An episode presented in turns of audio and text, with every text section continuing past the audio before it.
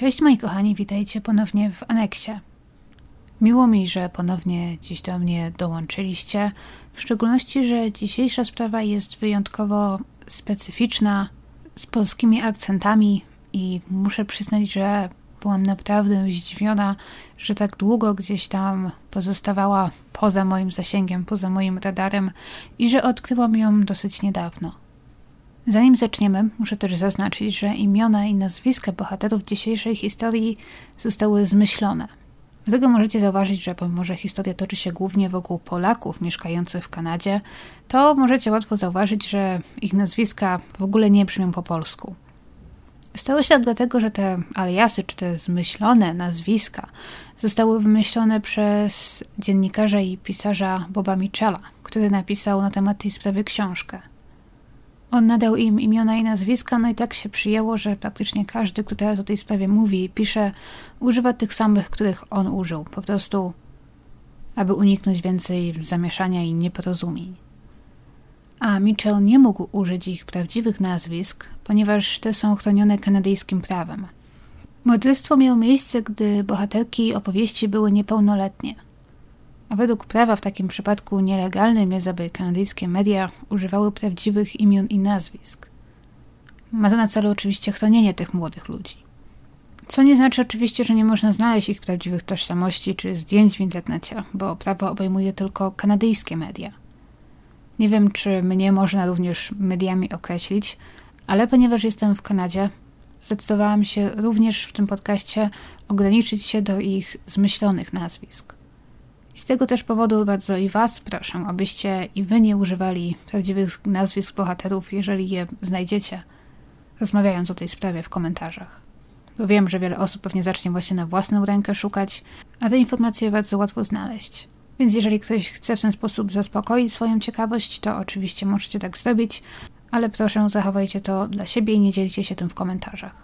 Nie sądzę, że wpadnę z tego powodu w jakieś kłopoty, jeżeli tak się stanie, ale nie chcę ryzykować. A poza tym to jest podcast kryminalny, więc wypadałoby przestrzegać i szanować prawo.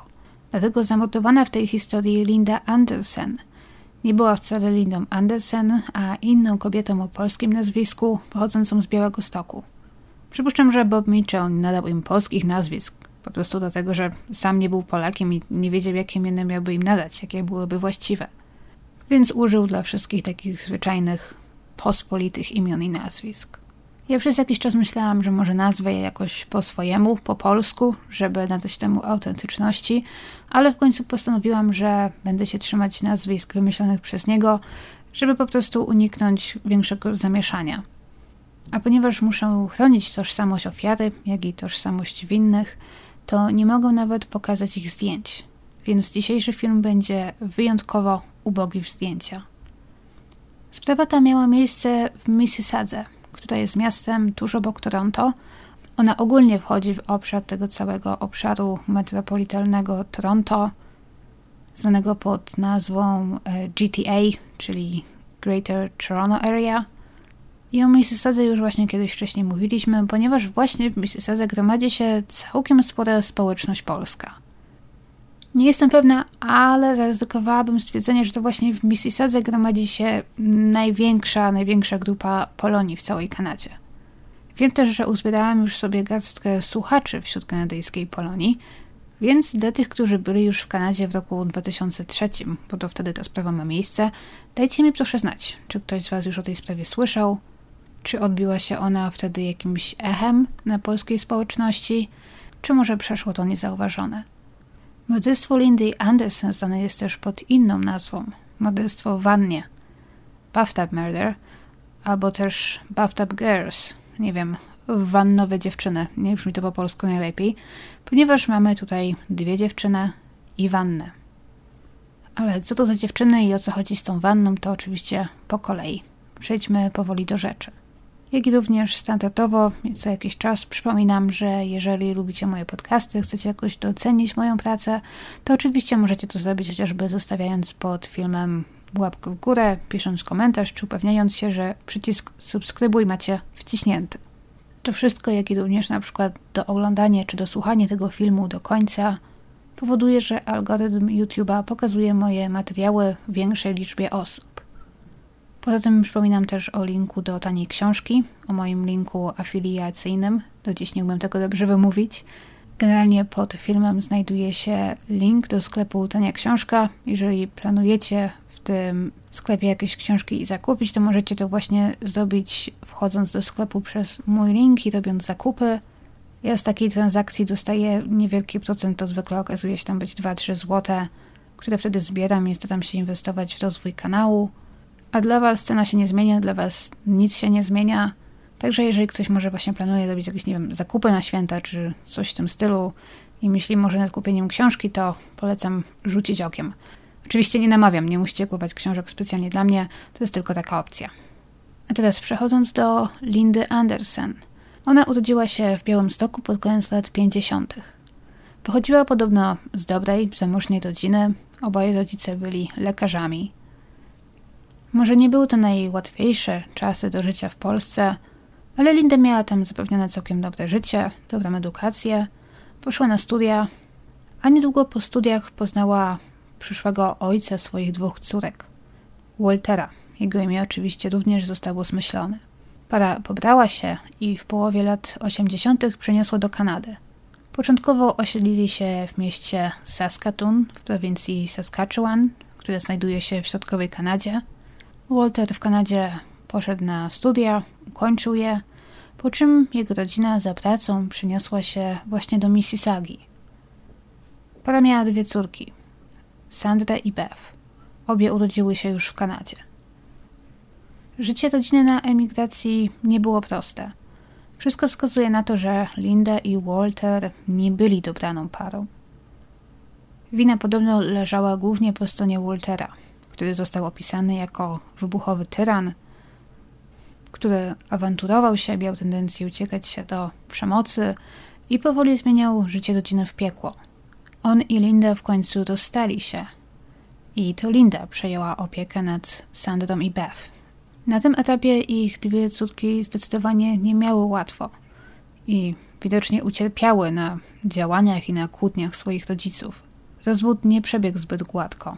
Linda postanowiła utrudnić Walterowi widywanie się z córkami, a żeby było łatwiej również w czasie trwania rozwodu, na jakiś czas wysłała je z wizytą do dziadków w Polsce.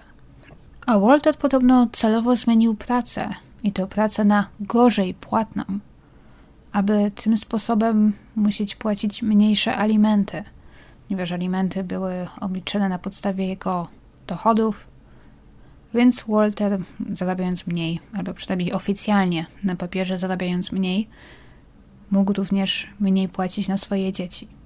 Motywowało go może też to, że nie chciał dawać zbyt wielu pieniędzy byłej żonie, ponieważ oczywiście to nie bezpośrednio swoim córkom dawał pieniądze, a Lindzie, która miała nimi rozporządzać. Ale jakie nie były jego zamiary, to oczywiście Sandra i Bev ucierpiały. Między innymi z tego też powodu Linda w latach 90. poszła do szkoły i rozpoczęła kurs pielęgniarski. Jej zamiarem było oczywiście podniesienie swoich kwalifikacji, bo ona już wtedy pracowała w szpitalu, no i miała zamiar utrzymać jakąś lepiej płatną pracę. Relacje ojca z córkami podobno były raczej oziębłe. Ojciec widywał je, starał się okazywać zainteresowanie tym, jak radzą sobie w szkole na przykład, ale podobno nigdy nie nawiązał z nimi jakiejś bliższej, cieplejszej relacji.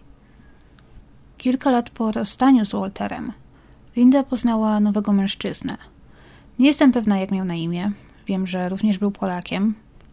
I ten nowy partner w końcu wprowadził się do ich domu w Mississadze. I niedługo później para miała dziecko. Chłopczyka Bobiego. Niestety i ten związek nie należał do udanych. Z tego co czytałam, mam wrażenie, że ten związek Lindy był chyba jeszcze gorszy od poprzedniego. W domu zaczęto nadużywać alkoholu, często wybuchały awantury, dochodziło do rękoczynów, w końcu w roku 2001 para rozstała się po tym, gdy partner Lindy pobił ją i sprawa wylądowała na policji. To podobno innymi przez ten związek Linda popadła w alkoholizm. Po rozstaniu była kłębkiem nerwów i każdy wolny wieczór spędzała z kieliszkiem w ręku. Dołożyło się chyba do tego też to, że ona podobno tego swojego partnera naprawdę kochała i była w nim zakochana i mocno przeżyła to stanie, mimo że oczywiście on, że tak to brzydko ujmę, miał ją gdzieś. Jej dzieci, w tym też najmniejszy Bobby, oczywiście mocno na tym cierpiały. W tamtym czasie przynajmniej dwa razy Sandra i Bev wykonały telefon na linię Children's Aid Society, czyli do takiej organizacji chroniącej dzieci przed przemocą i zaniedbaniem między innymi. Za każdym razem do ich domu oddelegowany został ktoś do sprawdzenia sytuacji i do spisania raportu. Lecz niestety nigdy z tych wizyt nic nie wyszło, ponieważ w obu przypadkach, gdy ktoś w domu się pojawił, Linda była akurat w dobrej kondycji i jej zachowanie nie odbiegało od normy.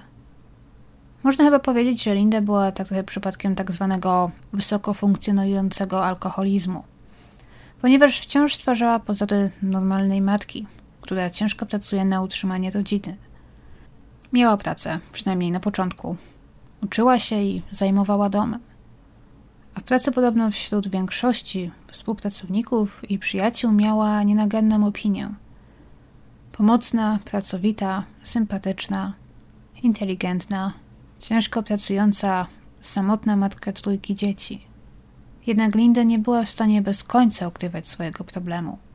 W połowie roku 2002 Linda została dyscyplinarnie zwolniona z pracy, ponieważ zaczęła pojawiać się w pracy pod wpływem. Była pielęgniarką, więc oczywiście takie coś nie mogło mieć miejsca. Także Linda straciła nagle pracę i potem sytuacja w domu zaczęła pogarszać się. A z drugiej strony trzeba dodać, że jej dwie nastoletnie już wtedy córki nie dożyły matki miłością. Przez niektórych jej znajomych zostały nawet opisane jako samolubne i niewdzięczne. Nie doceniały swojej matki, która ciężko pracowała, aby połączyć jakoś koniec z końcem i zapewnić byt trójce swoich dzieci. W ich oczach matka przekładała swój nauk i swoje potrzeby nad ich potrzeby. Jeżeli Linda miała pieniądze, to najpierw myślała o alkoholu, a dopiero później o jedzeniu czy ubraniach dla dzieci. Dziewczyny za to uwielbiały swojego małego przyrodniego brata. Można chyba też pokusić się o stwierdzenie, że zastępowały mu matkę, która no nie miała dla nich zbyt wiele czasu. W roku 2003 Sandra i Bev były nastolatkami, lecz ich życie nie było tak beztroskie i kolorowe jak życie ich przyjaciół ze szkoły. Szczerze nie jestem pewna, ile one dokładnie miały wtedy lat, ponieważ każde źródło podaje trochę inne liczby – ale najczęściej spotyka się chyba wersję, że w roku 2003 Sandra miała lat 16, a Bet 15, więc tej wersji będę się trzymać. Dokumenty wypuszczone przez sąd Ontario również wskazują na to, że dziewczynki miały wtedy kolejno 16 i 15 lat. Więc były w wieku, gdy ich rówieśnicy po szkole często dobrze się bawili, chodzili do kina, na randki, do centrum handlowego – a one przez większość czasu musiały zajmować się młodszym bratem, jak i często też swoją pijaną matką. W rozmowach z przyjaciółmi ze szkoły siostry zaczęły otwarcie krytykować i narzekać na swoją matkę. Wyrażając nawet głośno życzenie, że chciałyby, aby Linda odeszła z tego świata, że tak będzie lepiej zarówno dla niej, jak i dla nich. Według historii Sandry i Beth, Linda wielokrotnie prowadziła po pijanemu – często z nimi w samochodzie. Siostry wierzyły, że Linda stała się zagrożeniem nie tylko dla siebie, ale i dla nich. Siostry zaczęły coraz bardziej gardzić Lindą, której życie coraz bardziej się rozpadało. Winiły ją też za wiązanie się z niewłaściwymi mężczyznami, którzy wywoływali awantury, byli przemocowcami, alkoholikami, niszczyli życie rodziny. Według tego, co Sandra i Bewo powiedziały, Linda w ogóle nie okazywała im miłości, a po pijanemu często mówiła do nich niewłaściwe rzeczy. Między innymi opisywała swoje życie seksualne i zwierzała im się z rzeczy, których nastolatki zdecydowanie nie powinny były słyszeć od swojej matki. Wszystko też spowodowało, że dziewczyny, najpierw Sandra, a niedługo po niej też Beth, zaczęły się buntować. Nie miały w domu najlepszego przykładu, nie miały nikogo, kto narzuciłby im jakąś dyscyplinę, kto by je pilnował, sprawdzał. Zaczęły coraz mniej przykładać się do nauki. Ich stopnie w szkole zaczęły się pogorszać. Dziewczyny zaczęły eksperymentować z alkoholem, imprezami, chłopakami, wszystkim tym, co nastolatki mogą zacząć próbować robić, jeżeli nikt jakoś szczególnie ich nie pilnuje. I przejdźmy teraz do dokładnie 18 stycznia 2003 roku. To była sobota. O godzinie 22.33 Sandra wykonała telefon na 911. Zapytana, czy potrzebuje pogotowia, policji czy straży pożarnej, zapłakana odpowiedziała, że nie wie. Po czym dodała: Wydaje mi się, że moja mama leży martwa w wannie.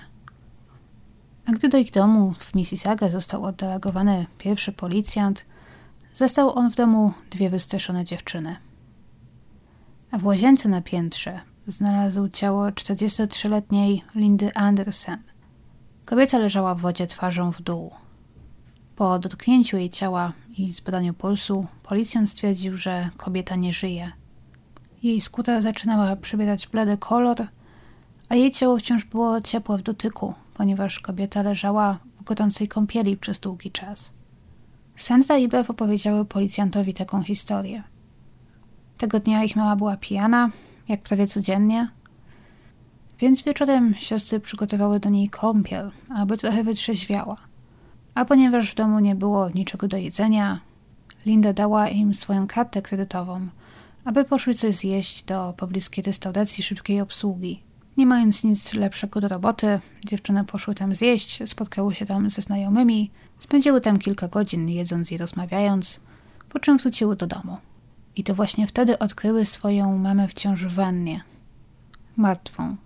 Śmierć poprzez utopienie się w wannie jest rzadka, jednak nie niemożliwa.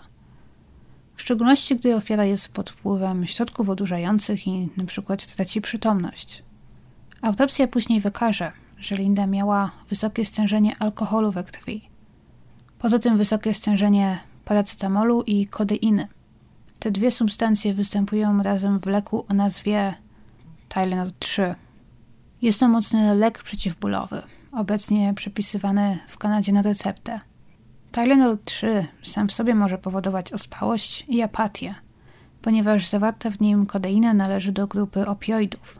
Zwykle jest przepisywana w przypadkach, gdy ktoś zmaga się z poważniejszym bólem, z którym nie radzą sobie na przykład zwykłe środki przeciwbólowe, po różnych zabiegach czy operacjach na przykład.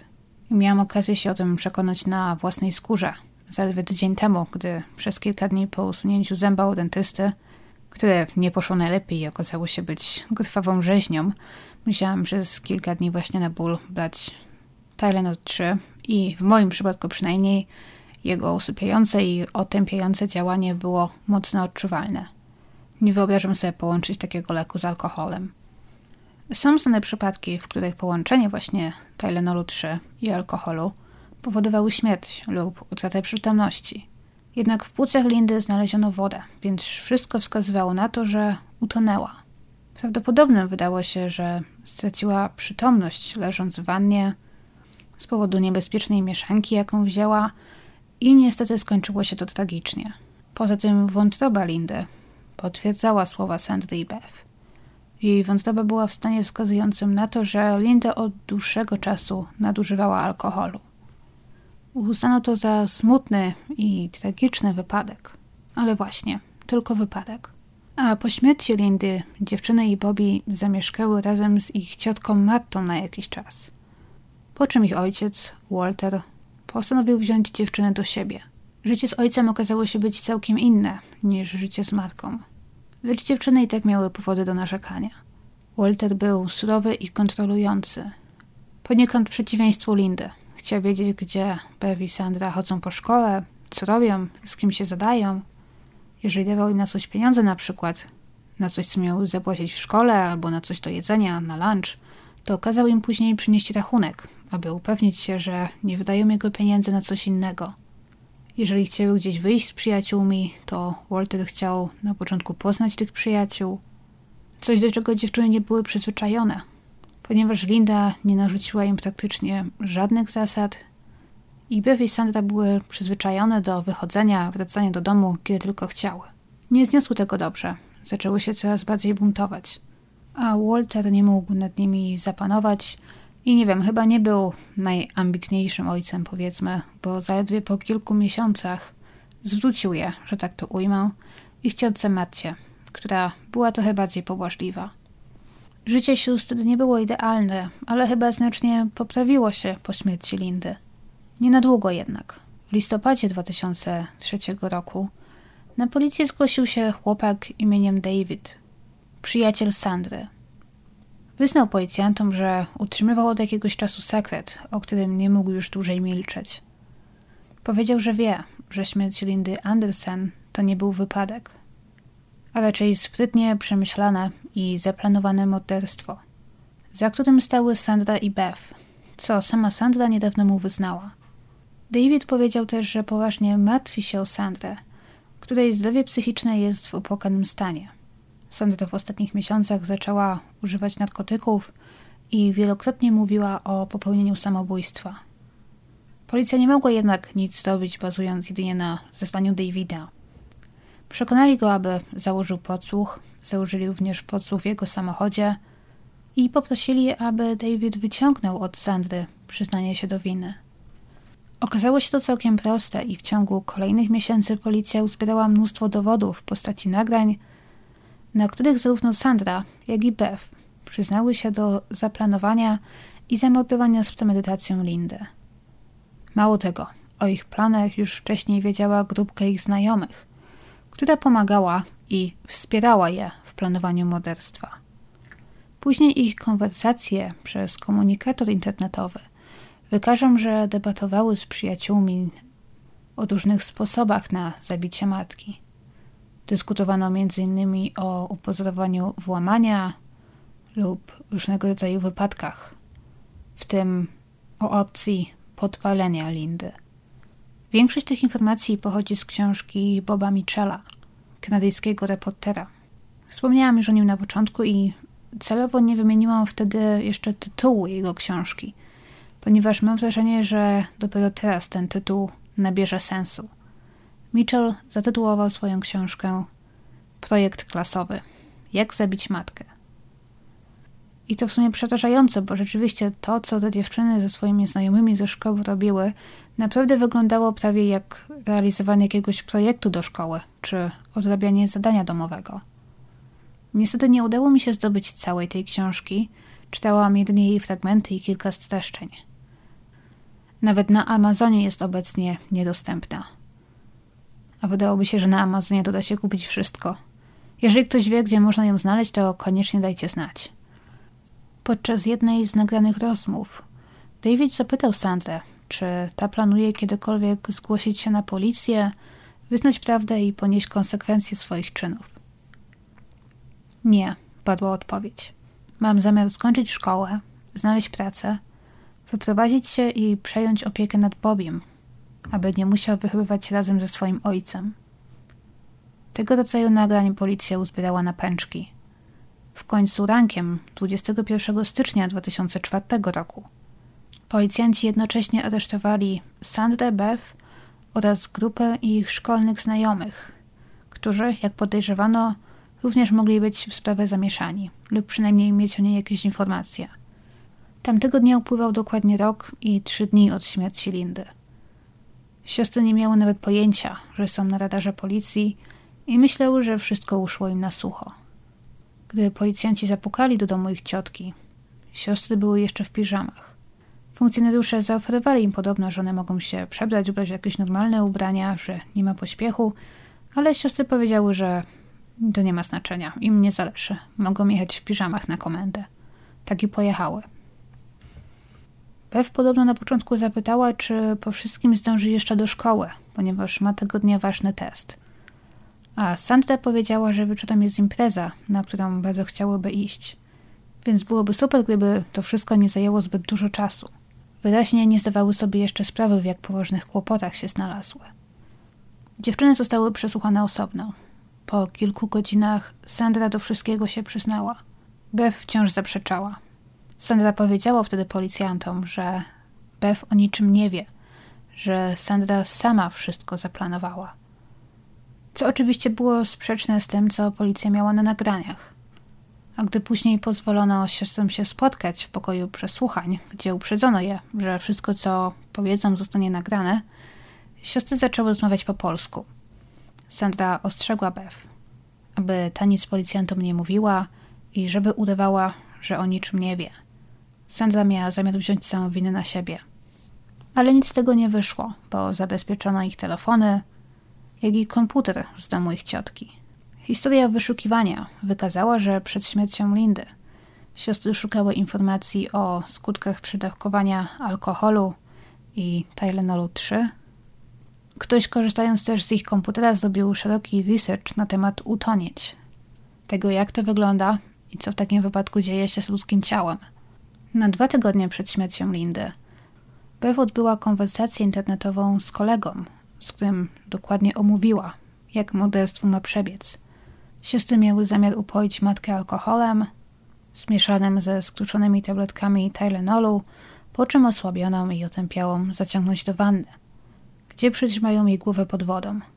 Po czym wyjdą z domu, pójdą do restauracji, gdzie spędzą trochę czasu, aby zapewnić sobie alibi i wrócą do domu. Sandra podobno już nawet ćwiczyła swój telefon na 911, aby zabrzmieć wiarygodnie. Co ciekawe, na początku siostry planowały zabić swoją matkę w sobotę, 11 stycznia, tydzień wcześniej. Lecz ktoś z ich znajomych urządzał wtedy imprezę, na którą bardzo chciały iść. Zdecydowały się więc przełożyć zabicie matki na następny weekend. Mogły zrobić to tylko w weekendy, bo zwykle wtedy mały Bobby był na wizytach u swojego ojca. Nie chciały popełniać morderstwa, gdy mały chłopczyk był w domu.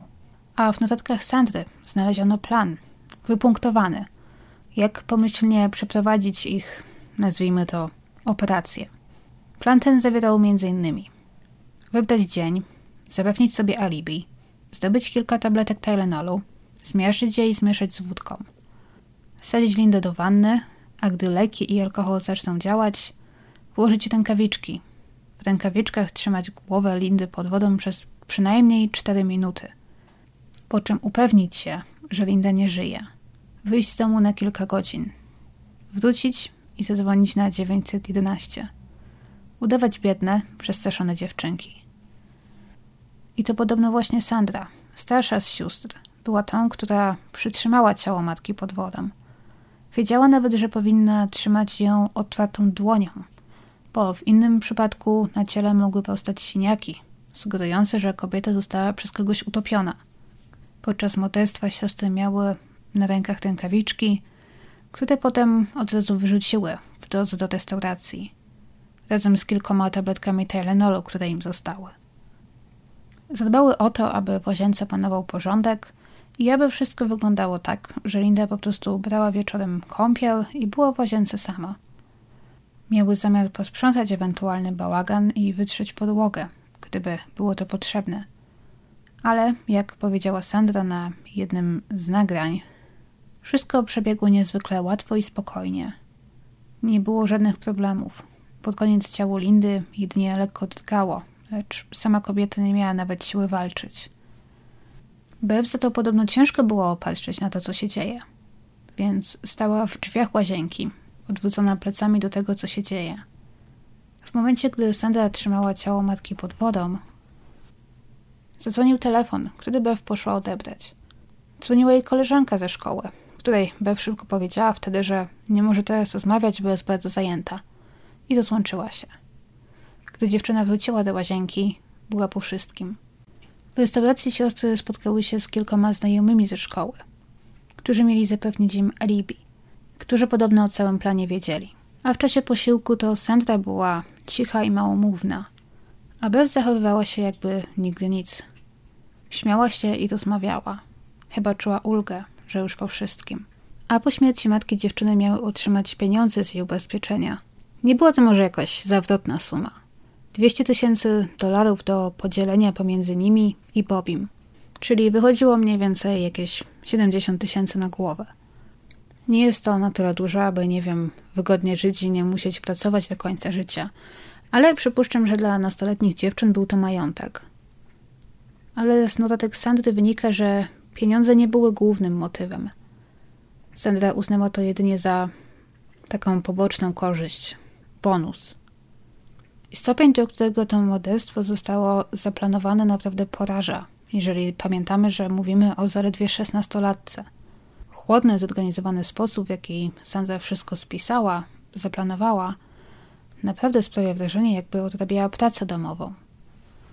Do procesu sióstr doszło w listopadzie 2005 roku. Podczas procesu zaprezentowano wszystkie zebrane dowody i siostry dosyć szybko zostały uznane winnymi morderstwa. Ponieważ jednak popełniły przestępstwo jako niepełnoletnie osoby, również jako niepełnoletnie zostały skazane. Wiem, że zdarzają się przypadki, w których przykład ze względu na okrucieństwo czynu nieletnie osoby są sądzone jak dorośli, ale tak nie było w tym przypadku. Dlatego do dziś nie możemy w Kanadzie publicznie używać ich nazwisk czy zdjęć, gdy mówimy o sprawie. Obie siostry otrzymały maksymalny wyrok, jaki może otrzymać w Kanadzie osoba nieletnia. Było to 10 lat pozbawienia wolności, z tym, że jedynie 6 spędzone w zakładzie, a później 4 na wolności, ale z nadzorem kuratora i z różnymi ograniczeniami. A jeden z ich przyjaciół, który im pomagał i który załatwił dla nich kilka tabletek Tylenolu, otrzymał wyrok jednego roku w więzieniu. Inni przyjaciele, którzy wiedzieli o zamiarach sióstr, którzy z nimi o tym rozmawiali, czy nawet wspierali i podrzucali różne propozycje, nie ponieśli żadnych konsekwencji. Głównie dzięki temu, że zdecydowali się zeznawać. Postawiono im takie ultimatum. Albo będą zeznawać i pomogą skazać siostry, albo sami poniosą konsekwencje. Wieść, że Beth i Sandra są odpowiedzialne za śmierć swojej matki, niektórymi wstrząsnęła, w tym m.in. ich ciotką Martą, która podobno do końca wierzyła w ich niewinność. Lecz niektórych ta wiadomość wcale nie zdziwiła. Wiele osób, znajomych rodziny, współpracowników Lindy, zauważyło już wcześniej, że jej córki jej nie szanują i nie wyglądają, no nie wiem, na najlepsze osoby. Sprawiały po prostu wrażenie samolubnych, rozpuszczonych nastolatek. Również wiele osób tak wcześniej na pogrzebie Lindy zauważyło, że jej córki nie zachowywały się podczas ceremonii jak dzieci, które właśnie straciły matkę. Sandra i Bev dużo szeptały między sobą, czasem nawet chichotając czy wybuchając śmiechem. I oczywiście każdy człowiek ma prawo przechodzić żałobę jak chce. I ludzie w takich sytuacjach zachowują się czasem zupełnie zwyczajnie, tak jakby to był kolejny dla nich normalny dzień, ponieważ może jeszcze na przykład do nich nie dotarło, co się stało. Jeszcze tego nie przetworzyli. I z tego powodu działają poniekąd na autopilocie. Ale Sandra i Bev nawet nie sprawiały takiego wrażenia. Wręcz przeciwnie, były jakby z siebie zadowolone, a momentami podczas ceremonii wyglądały no znudzone. Jakby chciały, aby wszystko jak najszybciej się skończyło i aby mogły iść gdzieś tam, nie wiem, spędzać czas z przyjaciółmi na przykład. A podczas swojego pobytu w więzieniu siostry podobno były idealnymi więźniarkami. Karę odbyły w zakładzie karnym dla kobiet w Kitchener. Podobno nie sprawiały problemów, przestrzegały wszystkich zasad oraz obie skorzystały z opcji pobierania edukacji w więzieniu. Obie otrzymały później nawet dyplomy uczelni wyższych.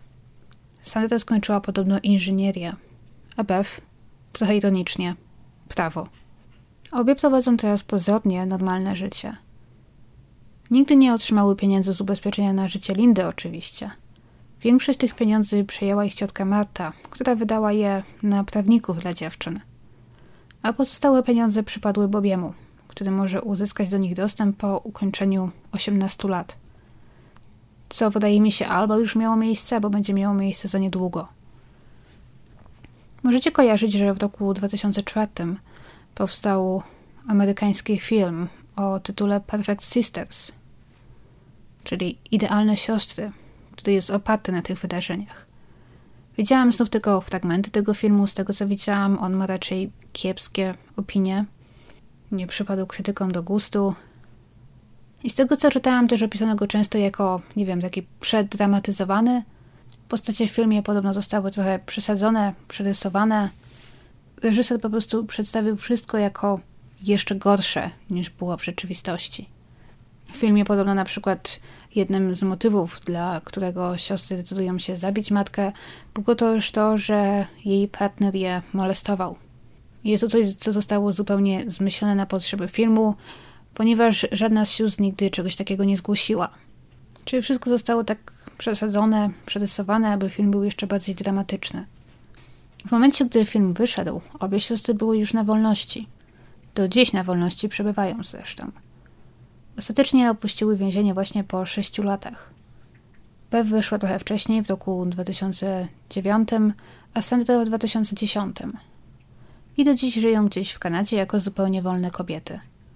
Według wyroku sądowego na początku nie wolno im było spożywać alkoholu i narkotyków. Jeżeli zostaną złapane pod wpływem, to poniosą tego konsekwencje i mogą wrócić do więzienia. Oczywiście obecnie może nie ukrywają się, ale nie prowadzą też oczywiście żadnego życia publicznego. Bo narażone są oczywiście wciąż na ataki ze strony ludzi, którzy oczywiście uważają, że kara, którą siostry poniosły, to nie była żadna kara i że powinny wrócić do więzienia. Z tego co czytałam, to Bev podobno przeszła cały ten proces resocjalizacji bardzo dobrze. Obecnie wyszła za mąż i ma dzieci. Z nich dwóch to właśnie podobno Sandra była tą manipulatorką, była tą, która bardziej przyjmowała inicjatywę i wszystko planowała. I zauważyłam, że też tak właśnie często jest. Gdy mamy dwie osoby, które popełniają przestępstwo, to zwykle właśnie jedna z tych osób jest taką jakby przewodniczką, ma silniejszy charakter, o wszystkim decyduje, a druga osoba jest troszkę bardziej biedna, łagodna, nie wiem czy łagodna to jest dobre słowo, jest taka bardziej biedna, podatna na manipulacje. I to niestety właśnie często jest niebezpieczna mieszanka. Wiem, że wyrok, który dziewczyny otrzymały, może wielu oburzać.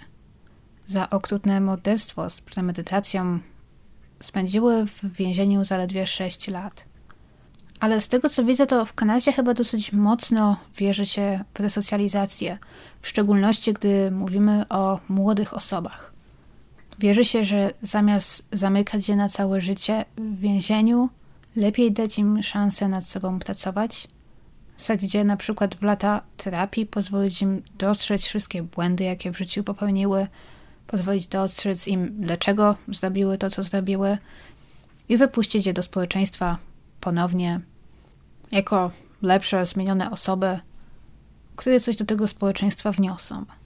Oczywiście z wyjątkami, tylko w wypadkach, gdy winny wyraża skruchę i jest szansa, że taka osoba się zmieni. Bo oczywiście jasnym jest, że nie wiem, na przykład Paul Bernardo nigdy nie zostanie przez wymiar sprawiedliwości wypuszczony na wolność. Jestem niezwykle ciekawa, jak wy się na to zapatrujecie, to znaczy na to, jak sobie z tą sprawą poradzono i czy uważacie, że kara, jaką dziewczyny otrzymały, była właściwa do ich wieku, właściwa do tego, co zdobiły, czy może niekoniecznie? Ja osobiście sama nie wiem, jak mam na tą sprawę patrzeć.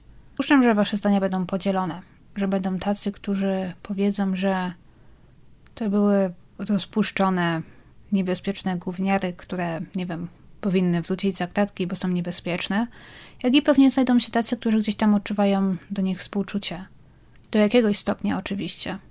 I trochę trzeba się zgodzić, ponieważ to może nie jest obrona tego, co one zrobiły, ale chyba trzeba się zgodzić, że nie wychowały się w kochającym domu, nie doświadczyły za dużo miłości.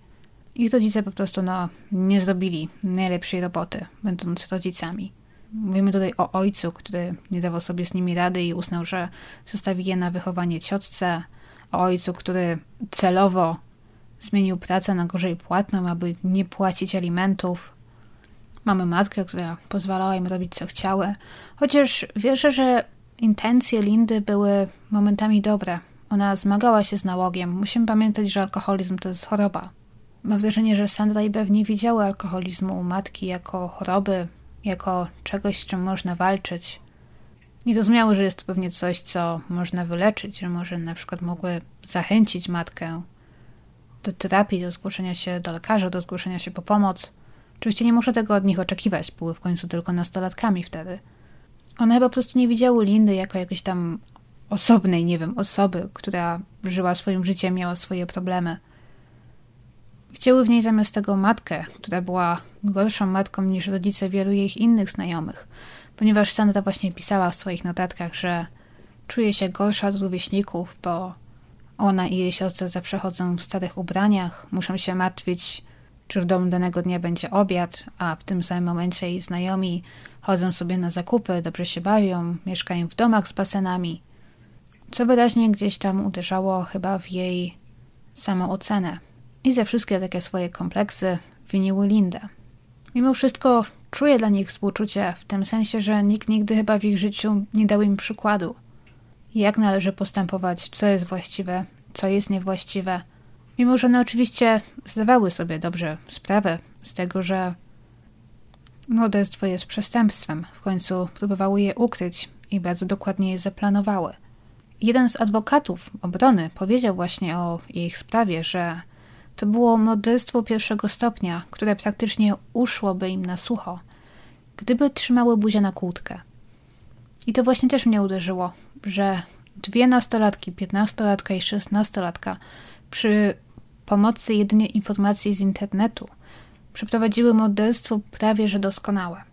Mało tego, zostawiły dużo śladów, bo wszystkie te rozmowy, jakie przeprowadziły przez internet historia wyszukiwania, wiadomo, to był rok 2003. One może nawet nie zdawały sobie sprawy, że jest to coś, co z komputera można odzyskać.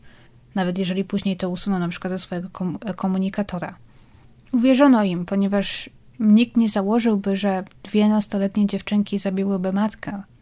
Gdyby to była, nie wiem, inna sytuacja i w domu nie znajdowałyby się one, tylko na przykład, nie wiem, partner Lindy, to mam wrażenie, że wtedy policja spojrzałaby na niego zdecydowanie bardziej podejrzliwie. Może gdzieś tam wtedy otworzono by śledztwo, no ale nikt nie pomyślałby, że dwie dziewczyny zabiły swoją matkę, więc śmierć uznano za nieszczęśliwy wypadek. I wszystko, co one musiały właśnie zrobić, to trzymać język za zębami, nikomu o tym nie powiedzieć. Ale niestety, oczywiście dla nich, niestety, nie umiały trzymać języka za zębami.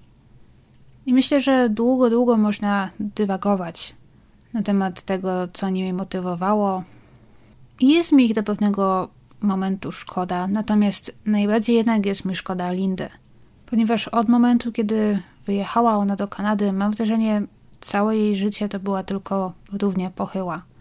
Nic nie układało się tak, jak chciała, a na końcu zginęła z ręki własnych dzieci. I oczywiście zachęcam Was do pisania komentarzy, do dyskutowania na temat tego, jak Wy się na tę sprawę zapatrujecie – Pozwólcie, że tak jeszcze kierowana doświadczeniem. Przypomnę, że nie tolerujemy bluzg w komentarzach. Możecie oczywiście pisać o tym, że uważacie, że Sandra i Beth to okropne osoby, uważacie, że to psychopatki. Możecie pisać takie rzeczy, jeżeli chcecie, ale bardzo Was proszę, nie bluzgajcie po bohaterkach tej historii czy po innych komentujących, bo tego nie będziemy tolerować. Dziękuję. A proszę o to dlatego, że zauważyłam, że Zwykle, gdy mówimy o sprawie, w której dochodzi do morderstwa gdzieś w obrębie rodziny, to znaczy rodzic zabija dziecko, dziecko zabija rodzica, brat, siostry, coś w tym stylu, to wzbudza to w ludziach bardzo dużo negatywnych emocji. Zdecydowanie więcej niż w wypadku, gdy ktoś zabija bardziej obcą jej osobę na przykład. Jeżeli ja mogę dorzucić swoje dwa grosze, to ja zdecydowanie zgodzę się ze wszystkimi, którzy uważają, że Sandra i Beth nie odbyły wystarczająco długiej kary. Nie uważam, że powinny koniecznie może całe życie spędzić w więzieniu, ale 6 lat moim zdaniem to niezwykle mało. Ale powiedziawszy to, mam również nadzieję, że ich resocjalizacja rzeczywiście poszła pomyślnie, że rzeczywiście prowadzą porządne życie, że są uczciwe. Nie wiem, czy Sandra ma dzieci, wiem, że Beth ma dzieci i wyszła za mąż.